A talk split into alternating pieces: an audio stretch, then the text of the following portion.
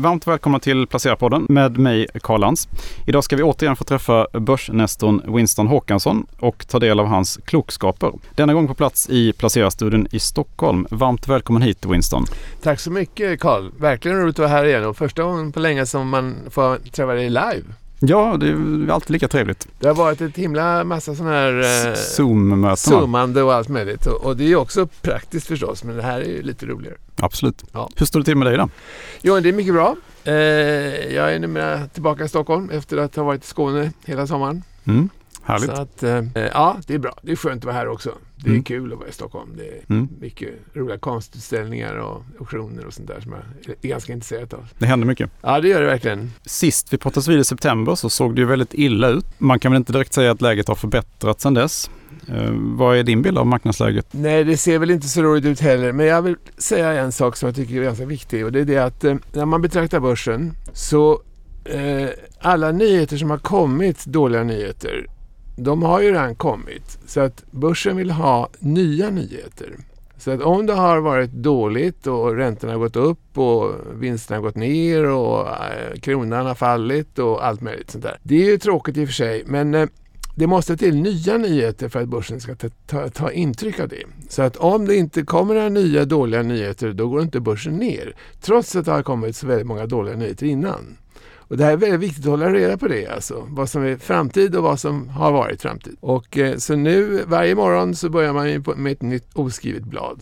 Mm. Och kommer det inga dåliga nyheter, då går inte börsen ner i princip. Man har tagit ut så mycket helt enkelt? Ja, alltså allting diskonteras momentant. Mm. Och, eh, men man tror att, eh, att eh, oj, nu är det så dåligt så nu ska jag inte vara med på börsen det närmaste året. Och det kanske kan i och för sig vara då en riktig bedömning men det har ingenting att göra med själva börsutvecklingen utan det är någon magkänsla man har då. Och det här är väldigt viktigt att hålla reda på alltså. Mm. När det kommer nya nyheter. Så att eh, mitt i allt det här negativa kan vi säga att eh, man ser, du ser lite positiva signaler då på att börsen inte fortsätter ner på negativa nyheter? Det är ju så här att vi befinner oss nu i ett otroligt svårt läge för att räntan är ändå det som har blivit det allt överskuggande fenomenet. Och eh, vi är vana vid att säga, de som är då i 20-30-årsåldern i alla fall, de är ju vana vid att vi har en låg ränta som nästan är närmast noll. Och att eh, låna pengar för att köpa en bostadsrätt, det är liksom en självklarhet. Och, och, och, och att det ska kosta liksom bara en eller ett par procent, det väntar man sig ta för givet. Och så var det inte förr och så kanske det inte kommer att vara i framtiden heller. Va? Utan eh, allt det här går i vågor och just nu så är räntan det som är det absolut viktigaste på hela bordet så att säga. Alla funderar på hur räntorna ska, var ska ta vägen. Både placerare, företagare, vanliga människor, de som ska köpa ett företag eller köpa ett hus. Menar, det, det, det är jätt, alltså räntan är så otroligt viktig just nu. Och det är väldigt svårt att säga så här tvärsäkert var det ska ta vägen. Ja. Det är väldigt svårt. Jag skulle säga att eh, alltså räntan och energipriserna är ju då två saker som har drivit upp inflationen och är det någonting börsen tycker illa om så är det inflation. Jag tänker på i början på 70-talet när jag började som börsmäklare. Då, då kostade bensinpriset 60 öre litern. Sen började det gå upp rätt kraftigt då vid eh, oljekrisen 73. Och, eh, och en lunch, en, en, en bra lunch, men alltså ingen flott lunch, en vanlig lunch, den kostar ungefär en 2,50, kanske 3 kronor. Om vi säger 3 kronor är det lite lättare att räkna på det. Idag kostar bensinen 24 kronor, 25. Ja, kanske. Kan ha gått ner lite grann ja, 22 kanske. Ja. Mm. Och vad kostar en lunch? Ja, multiplicera med 5 så får 130, 40. Så det där pariteten stämmer ju. Mm. Det är lite kusligt att den stämmer så himla bra. Mm. Och eh, det kan ju vara intressant att ha i åtanke att den kanske ska kosta så här mycket bensinen. Kanske bensin håller nu på att sakta bli en mindre viktig insatsvara. Så lång, med tiden blir det, väl, blir det väl i alla fall? Ja, men, men, eh, och den är väl redan nu kanske lite grann då, men, men, men det, det, är ju på väg åt, det, åt ett bensinfritt samhälle så att säga. Mm. Även om det kommer att ta ganska lång tid tror jag. Mm. Men du såg ju de här likheterna redan i, jag vet redan i februari pratade vi och då såg du att vi kanske går in i ett nytt 1970-tal igen. Ja. Med energikris då. Och det var ju innan den invasionen faktiskt. Ja, absolut. Ja, det var mm. det. Jo, men alltså det, det ett nytt 70-tal eh, sett ur ränte och inflationssynpunkt, det har vi ju definitivt nu. Ja. Sen är det livsfarligt att bara kopiera men man kan ju titta och studera och kanske lite inspireras av olika saker. Men, men det är alltid farligt att liksom göra en copy-paste och säga så här blir det nu. För det tror jag, då, då lurar man sig själv. Hur gjorde du själv på 1970-talet? Ja, alltså 1970-talet, när jag då började på börsen där, så då var ju räntorna och inflationen, de var ju rätt höga redan då med våra mått mätt. Och sen blev det ännu högre i och för sig. Så att eh, 70-talet var ju, kan man säga, om man tar väldigt generellt så var ju 70-talet var ett förlorat årtionde kan man ju säga. Mm. För börsen och för eh, ekonomin och allting. Och, och eh, det, var, det var så att The Times hade väl Death of Equities 1980 eller 1981 eller något va? Ja, alltså 80, ja. 80, 81 var nog det absolut sämsta året. Det var året före det, var hiv, det vände. Det var hiv-epidemin också som drog ja, ner börsen. den kommer lite senare va? I alla fall, på, i, alla fall i större skala. Ja. 83-84 skulle jag säga hiv kom. Men, men eh, alltså 1982 i augusti, mm. då vände börsen upp. Och sen gick det bara upp. Och det har vi inte det har inte gått ner förrän då i, i år eller förra årets slut på kanske. Nej. Så att eh, det har varit en ganska lång uppförsgång. Givetvis med massor med upp och nedgångar under tiden. Men, men alltså det där augusti 1982 då gick obligationsräntorna ner i Amerika efter att ha varit väldigt höga. Mm. Och det blev signalen till en stor allmän börsuppgång, inte bara i New York utan den spred sig över hela världen och, mm. och, och höll i sig, alltså hela 80-talet. Mm. Sen kom det ju kriser på 90-talet och, och, vi ska inte nu dra all, hela den historien, men, men, men det där 1982 var en otrolig vattenpelare, vattendelare på den tiden. Det var efter Paul Volcker då hade fått ner inflationen helt enkelt i USA? Ja, eh, han fick väl ner den då, alltså det var obligationsräntan gick ner för någonting, så här, jag inte ens minns vad det var, men det kanske var Volcker som hade ja. satt igång dem. Det var kanske det. Men det var, han har väl en ganska aggressiv infla- antiinflationspolitik va? Mm. Absolut, så var det. Jag, jag kommer inte ihåg vad han som var först, men, men ja, hur som helst. Ja, men hur ska vi agera nu då? Ja, alltså jag har ju då som vanligt, eh, jag har cirka 50 aktier i, i, min portfölj och det brukar jag säga det är lite för mycket. För det mänskligt sett så är det inte så himla lätt att hålla reda på 50 aktier. Men eh, det är det och så försöker jag rensa lite då och då. Då har jag då som eh, våra tidigare möten så har jag plockat ut de 10 aktier ur mina, av mina egna aktier som, som går bäst just nu. Mm. Eh, och just nu betyder det att jag försöker att, eh, jag sneglar både på, som, alltså det är väl enmånadsutvecklingen som är det som är, är, den främsta. Men sen så kikar jag givetvis också på både närmare i tid, alltså sista veckan och även då tre månader och ja, i år och så där. Så att jag har en, en, en, eh, en slags eh, tredimensionell uppfattning om hur börsen ska gå. Och eh, det där stämmer givetvis inte alltid, men, men eh, i alla fall så siffrorna tar sitt eget språk och då skulle jag vilja börja med att säga att om vi tar då från toppen till botten den här gången och så säger vi så här att den aktien som jag just nu i mina siffror ser ut som ska gå bäst, det är Avanza. Jaså? Ja. Banken?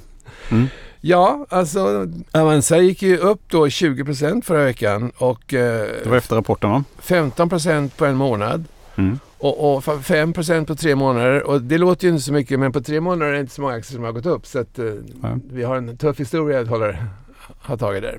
Och, och, finns det några siffror bakom det här? Ja, alltså Avanza har ett P tal som alltid varit väldigt högt. Nu är det nere på 10,4.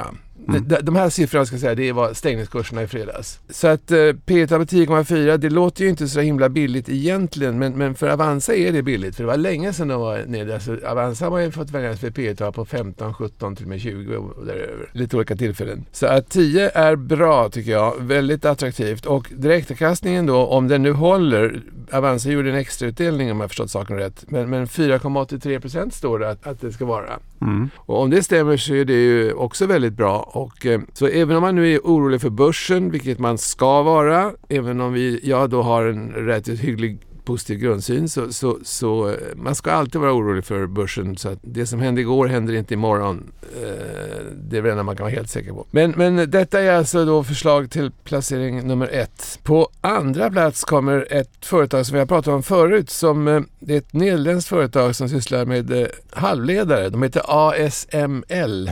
Ja, vad intressant. Mm, det är precis. De gör maskiner till halvledare. Jag tänkte säga, de gör ju inte halvledare utan de gör maskinerna till halvledare. Så det, det, Mm. Istället för att vara... Så det, de, de är inte konkurrenter med, med en massa halvledartillverkare utan de förser halvledartillverkarna med maskiner. De har i princip monopol på det då? De har en jädrigt stark ställning på marknaden i alla fall, det kan ja. jag säga.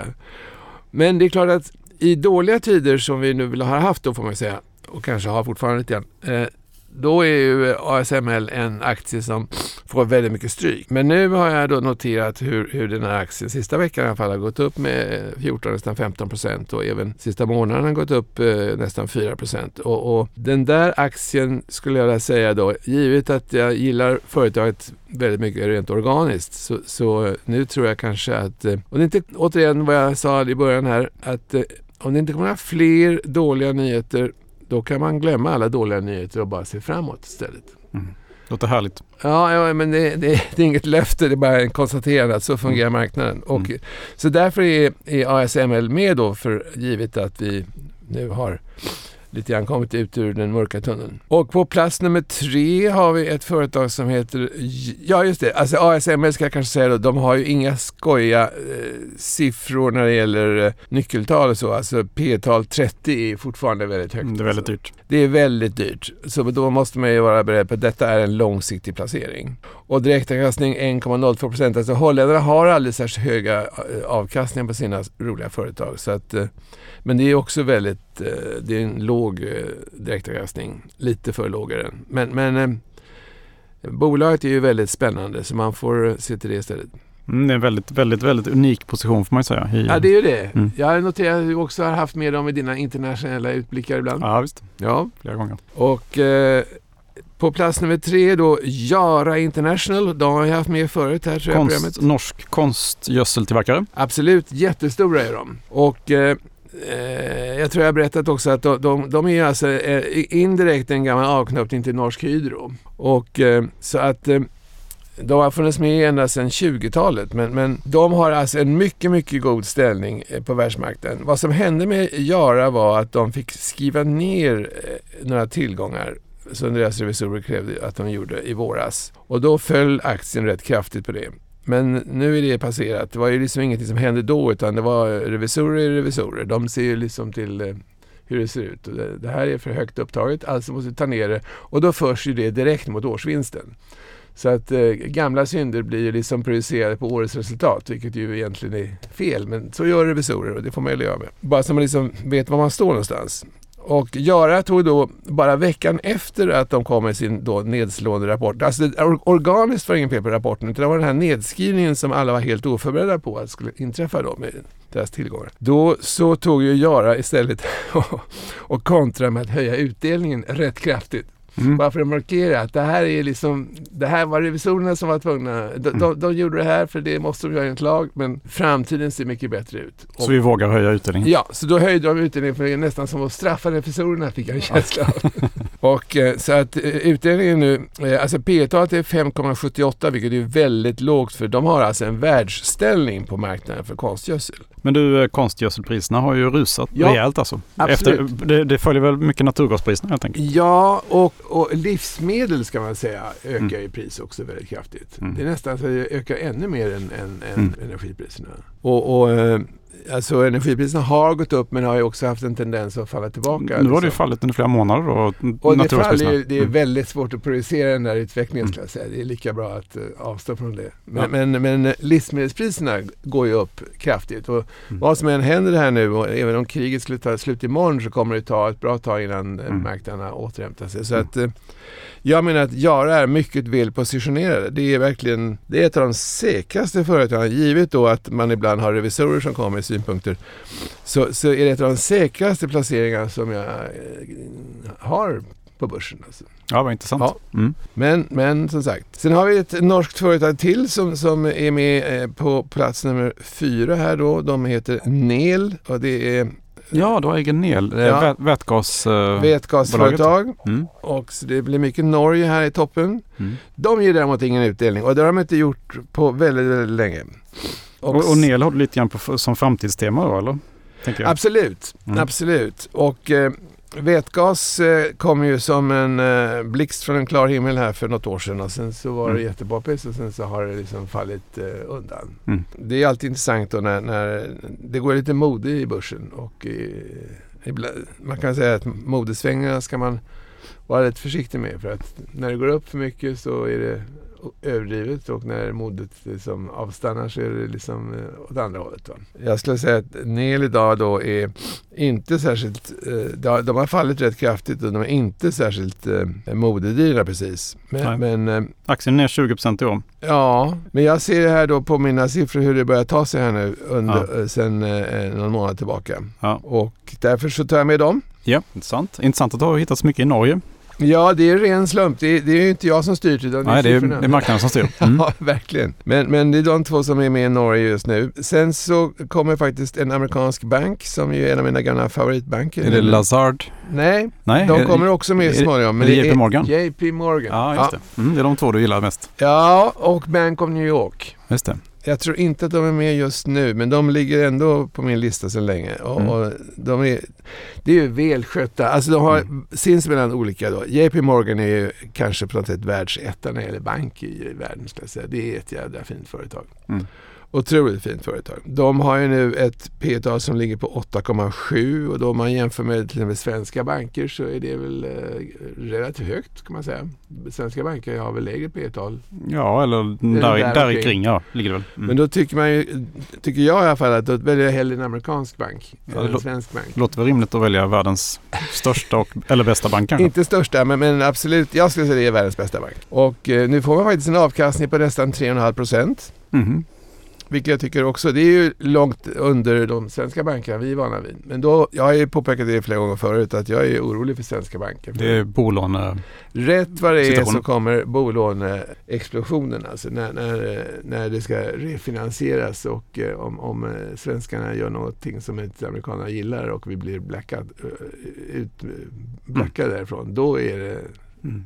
Då, då är det kritiskt. Då är det kritiskt, för att uttrycka sig försiktigt. Så att jag gillar inte riktigt det, utan jag, jag håller mig undan svenska banker. Du har du gjort det i, i, i decennier va? Nu. Ja, mm. ett antal år faktiskt. Mm. Sen kommer vi till Lazard som du föreslog. Ja, privatbanken. Och, och det är då en, en eh, det är ju då en, en, en, ren merchant bank eller investment bank som, som uh, har en ställning över hela världen och uh, som är lite av en lite copy-paste på Rothschild kan man säga. Fast lite mindre och lite, ja. Men, men båda två är duktiga på, på mergers and acquisitions. Och det har ju varit marknaden för det nu och blir ännu mer. Nu när priserna kommer ner? Ja. ja, priserna kommer ner och det händer ju mycket och en del företag går inte så bra längre och då måste man liksom rädda dem. Och, och så att när investmentbankerna kommer att få mycket att göra här nu. Alltså, när, det, det...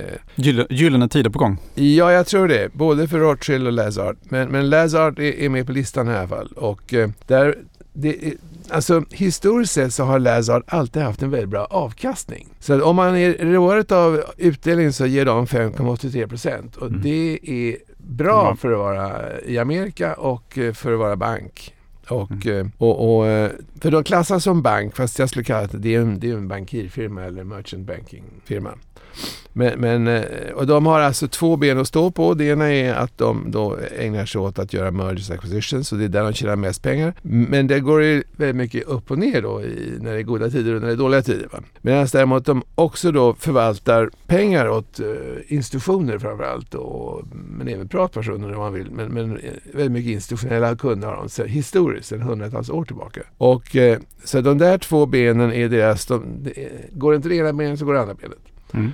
Och, eh, Två stabila ben Två väldigt stabila ben. Ibland kan ju, kan ju det ena benet, alltså förvaltning av pengar, det är ju då som det har varit sista året så har de ju sett hur, hur det förvaltade kapitalet har minskat. Och dels för att kurserna har gått ner och då går ju kapitalet ner givetvis. Men sen också för att nytillströmningen av nya kunder avtar också då. Och då så då blir ju det en, en, en sämre inkomstkälla just då, då så att säga. Så att, eh, det, det, är väldigt cykliskt det här förvalta pengar. Och även mergers and acquisitions är, är också väldigt cykliskt. Nu så har kursen gått ner ett kraftigt i Lazard och jag menar att liksom, nu är de nere på ett P tal på 7 och en, en direktavkastning på 5,8 procent. Det, det är väldigt bra eh, siffror alltså. Köp säger jag.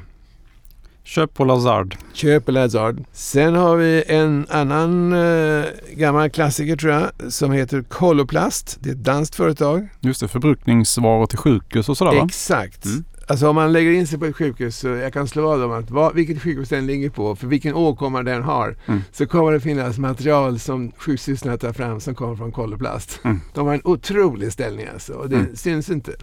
Alltså det är inget som de skyltar med direkt men, men Vad finns där? om man liksom kollar bara på det så nu får en binda så ja, kom den här från det här paketet? Ja, Koloplast. Och, så liksom det, det, det, och jag har några gånger varit på sjukhus och jag har noterat det här som jag är lite intresserad. Mm. Och jag har sett vilken jädra penetration. Det är klart, nu är Sverige ett grannland till Danmark va? men, men de har ju en penetration internationellt som är fantastisk. De har ju funnits sedan jag var barn och, och varit duktiga. Men det var ju för kanske 20 år sedan jag fick upp ögonen för dem. Men, men eh, ja, Hur länge har du ägt dem då?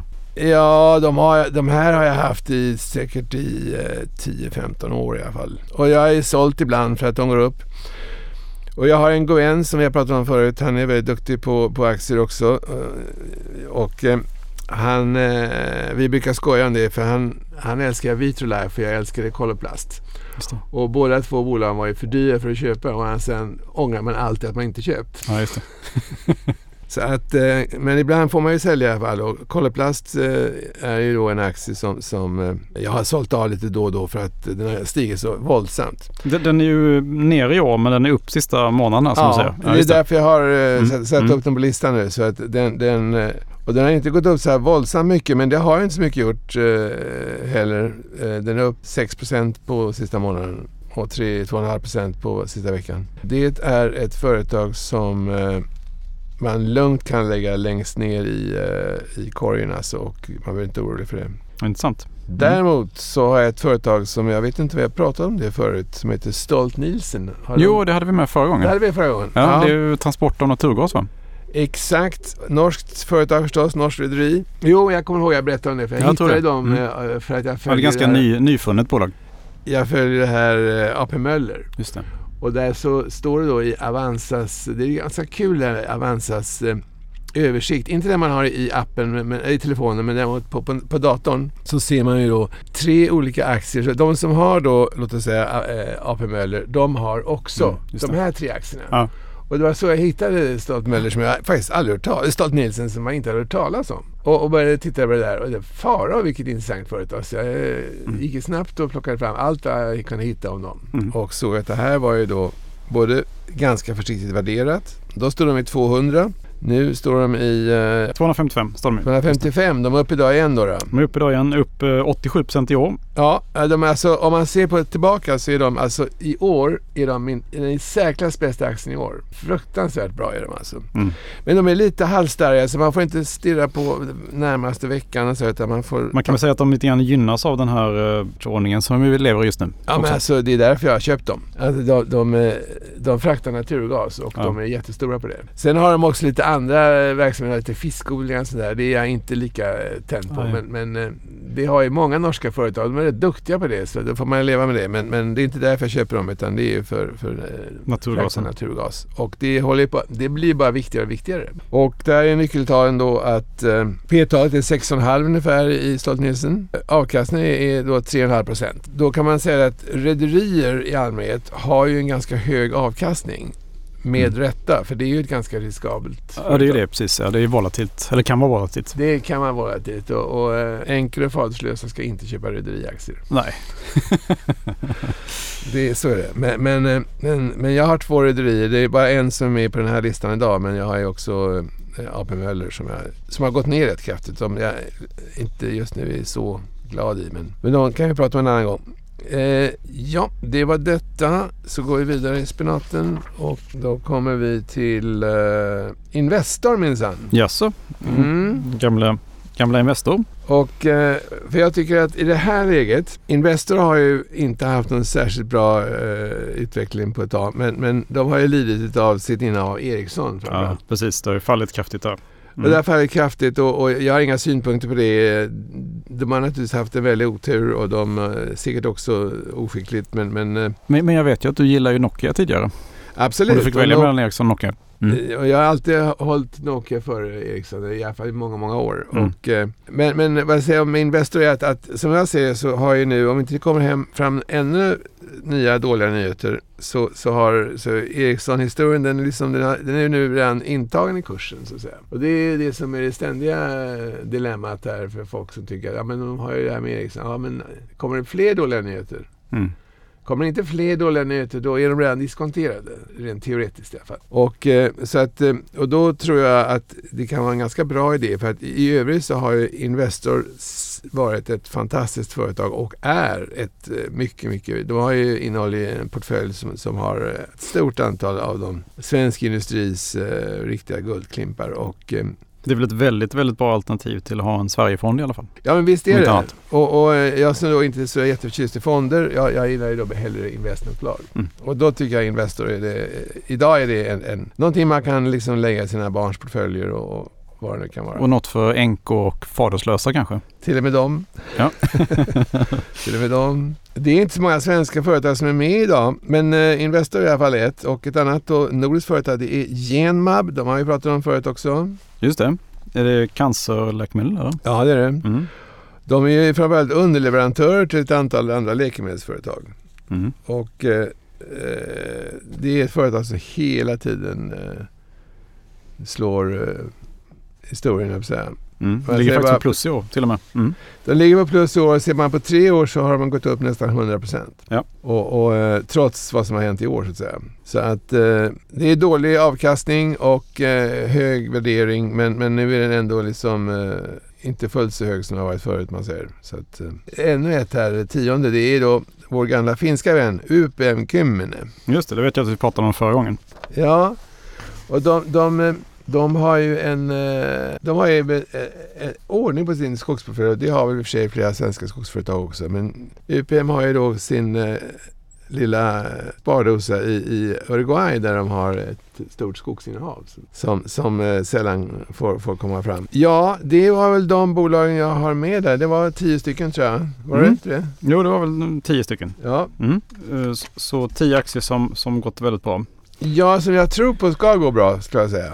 Enligt mina små formler. Alltså jag, återigen, jag, jag väljer ett jag har ungefär 50 aktier som jag följer ganska noga. Så gör jag ju förändringar då och då. Det, det ju- jag minskar och ökar och ibland så slänger jag ut något bolag som... Som sagt, det borde gärna vara lite färre för det är svårt att hålla reda på 50 bolag. Men, men eh, så hittar man ju då saker och ting som gör att man ändå inte vill Är det, är det något bolag du har slängt ut? Nej, men det, det vet jag inte just nu. Men jag, jag kunde kommentera kanske några andra bolag som skulle kunna vara med. Mm. Och, och jag tänker på, vi har ju pratat, jag har frågat mig om guld förut. Ja, just det. Och, och guld, guld och guldaktier, det är då guldaktier vi pratar om egentligen. Mm. Där är det som så att de är bra i lägen då vi har, eh, då det inte är högt ränteläge. Mm. Utan eh, när ränteläget är högt, då gillar inte placerarna att köpa guld. För guld ger ju ingen avkastning. Ja, precis. Och eh, när inte guld ger en avkastning då går inte guldpriset upp heller och då, då eh, guldaktierna inte samma, då, då är det inte samma drag i dem som Mm. när guldpriset går upp.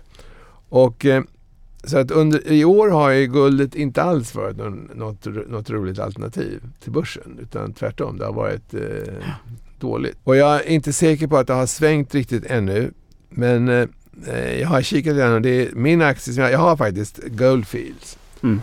Och det är ingenting som jag vill direkt aktuellt sådär aktivera och säga att det här ska man köpa. Men, men, eh, men jag har gått igenom ett antal guldaktier och jag, som jag ser det så är de Mm. det som är, jag tycker är mest attraktivt. Som nästan alla guldaktier så har de också andra metaller under fram. Det är ofta Mm. koppar till exempel. Men det kan också vara en del sällsynta metaller som är. Och de har några eh, rätt så skojig portfölj. Fast guld är den absolut mest dominerande och det tycker jag är viktigt. Det är därför man köper just Goldfields. Så att eh, nästa gång vi ses kanske jag känner mig lite mer komfortabel om räntorna har gått ner då. Mm. Eller vi får se om de toppar nu kanske. Om man nu ska våga sig på någon slags, eh, om man ska våga sig på någon slags eh, bedömning så är det att eh, alltså ränteläget är ju det i särklass viktigaste som händer på börsen och eh, jag tror inte att det är slutet nu men eh, kanske, och det här sker alltid när man minst anar det, så kommer det till att, eh, som jag sa i början av programmet, att, att eh, om det inte kommer några fler dåliga nyheter, då går inte börsen ner mer. Och det gäller samma sak med räntorna förstås. Att om, mm. det, inte, om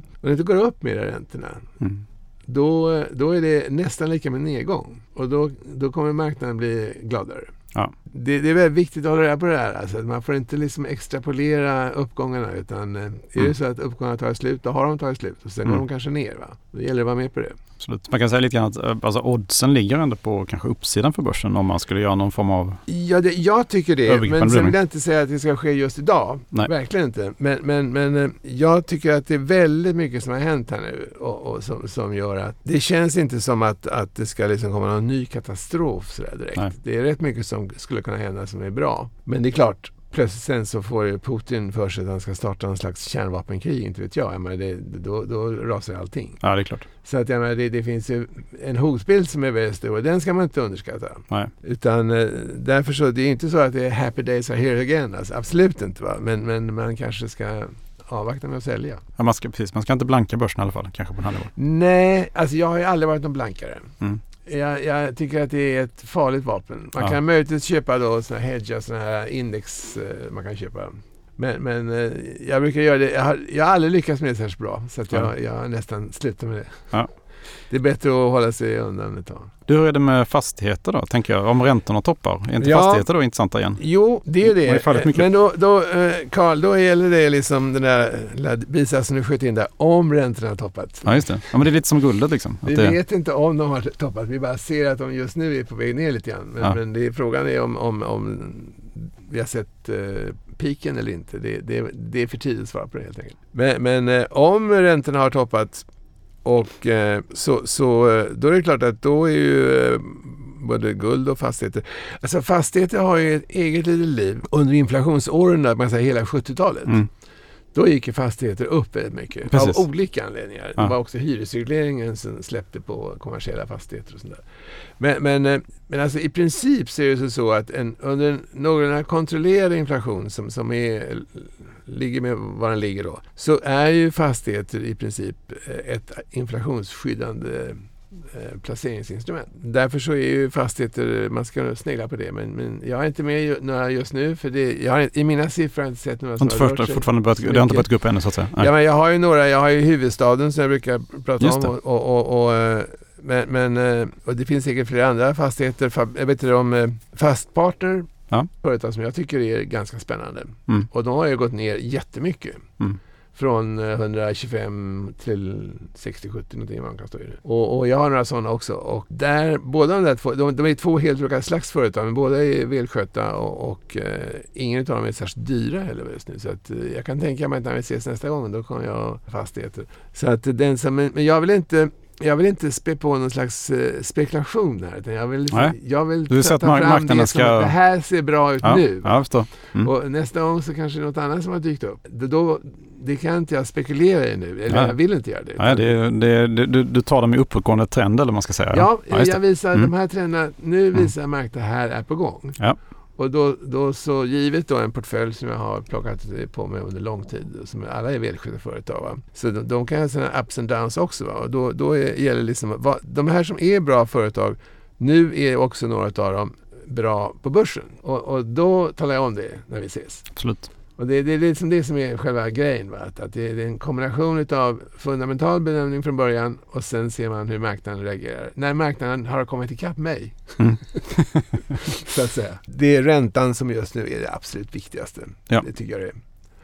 Och, och sen kan man ju säga då att eh, konjunkturutvecklingen har ju inte varit så tokig ändå. Och eh, det här varierar väldigt mycket i olika företagsbranscher och så. Men det är ju inte så jäkla dåligt. Eh, det finns ju, många har ju problem och menar, detaljhandel, landsorten har ett helvete. Va? Men, men andra företag går ganska bra. Och så, här, så att, eh, industrin verkar ju gå hyfsat. Industrin, mm. Särskilt industrin alltså. Men så har ju ofta de här industriföretagen, då, de har ju någonting som inte är så bra heller. Alltså. Det kommer nog bli en del eh, bakslag och lite nedläggningar och sådär som kommer störa både produktionskedjan och...